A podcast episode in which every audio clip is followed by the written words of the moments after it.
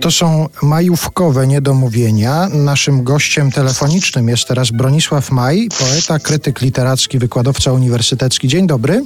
Dzień dobry. Oczywiście zbieżność nazwiska z nazwą miesiąca, w którym się spotykamy, jest zupełnie przypadkowa, ale ja chciałbym nawiązać do czegoś, co się pojawiło w naszej rozmowie wstępnej, kiedy się umawialiśmy na tę rozmowę na antenie. Rzeczywiście zdarza ci się często tłumaczyć, że to nie ty napisałeś winę tu?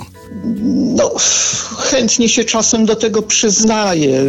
Rzadziej przyznaję się do pomyłki, by tak rzec, do kwadratu, kiedy Karola Maja mylą z Karolem Marksem i dziwią się, że są już na 30 stronie, a Indian jak nie było, tak nie ma.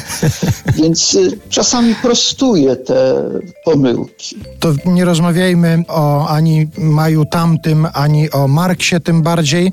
Porozmawiajmy o majowej poezji. Ja chciałem cię zapytać, czy twoim zdaniem w ogóle istnieje coś takiego jak poezja majowa, a może została gdzieś w literaturze wyodrębniona w jakichś badaniach naukowych, literackich? Ja pozwolę sobie y, odpowiedzieć Ci głęboko w istocie retorycznym pytaniem, a czyż istnieje jakakolwiek nie majowa poezja?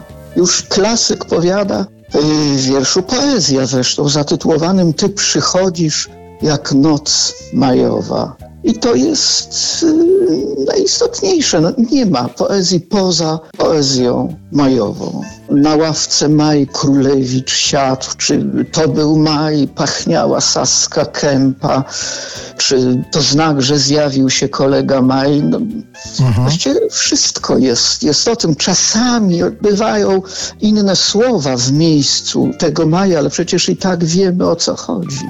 To teraz zapytam Ciebie jako człowieka piszącego, jako poetę, czy Twoim zdaniem Maj nie jest trochę za łatwy, jeżeli chodzi o poezję? On jest taki z założenia śliczny, optymistyczny, dający nadzieję. Czy nie lepiej tak poczekać do listopada i się trochę pomartwić?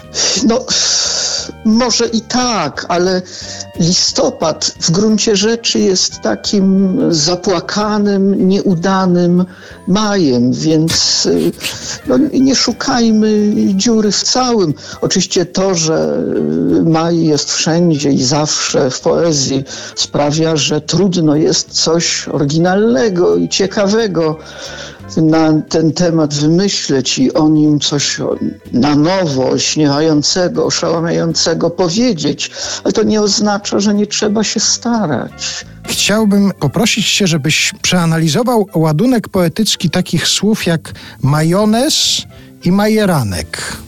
Czy one mają potencjał poetycki? No, one mają gigantyczny, oszałamiający, olśniewający potencjał poetycki, zwłaszcza jeśli są obok siebie, bo z jednej strony jest ten y, majeranek, czyli sielski, anielski, dobry, poczciwy, zacny, majowy poranek, a z drugiej strony ten trochę egzotyczny majonezy i one tutaj się wzajemnie cudownie dopełniają.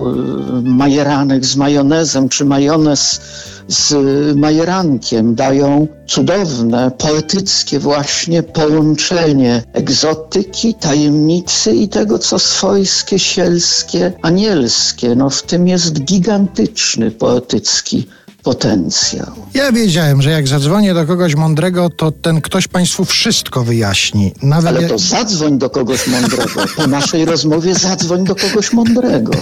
Nie w tym kierunku szła ta moja wypowiedź, ale niech już tak będzie. Bardzo Ci dziękuję za to, że wyjaśniłeś Państwu, że majeranek i majonez to rzeczywiście bardzo poetyckie sformułowania. Czy Ty masz jakiś taki swój majowy ulubiony utwór? Miliony. Aha. Miliony. Miliony rąk, tysiące rąga, serce bije jedno na przykład. Tak jest. Mhm. Bardzo Ci dziękuję. Bronisław dziękuję. Maj był naszym gościem i teraz już wszystko na temat poezji, albo prawie wszystko na temat poezji majowej Państwo wiedzą. I ja może skorzystam w zapowiedzi utworu muzycznego z tego, co przed chwilą Bronisław Maj powiedział, bo powiedział, że listopad jest zapłakanym, nieudanym majem i też skorzystam z takiej zapowiedzi, którą kiedyś usłyszałem jadąc samochodem. Prezenterka radiowa prowadząc koncert muzyki poważnej powiedziała dziś pierwszy dzień jesieni, zaczniemy tak bardzo jesiennie, Antonio Vivaldi, cztery pory roku, zima. No to ja Państwu proponuję w tym majówkowym wydaniu Niedomówień coś takiego bardzo majowego. Antonio Vivaldi, cztery pory roku, jesień.